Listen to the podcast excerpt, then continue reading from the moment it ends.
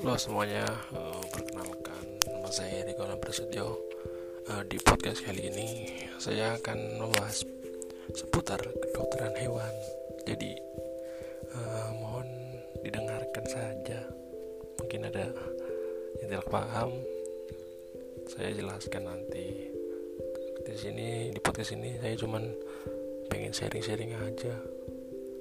Apa sih susahnya di kedokteran hewan lingkungannya gimana apa saja yang dipelajari dan apa susahnya jadi mahasiswa kedokteran hewan jadi semoga membuka wawasan baru tentang kedokteran hewan sebagai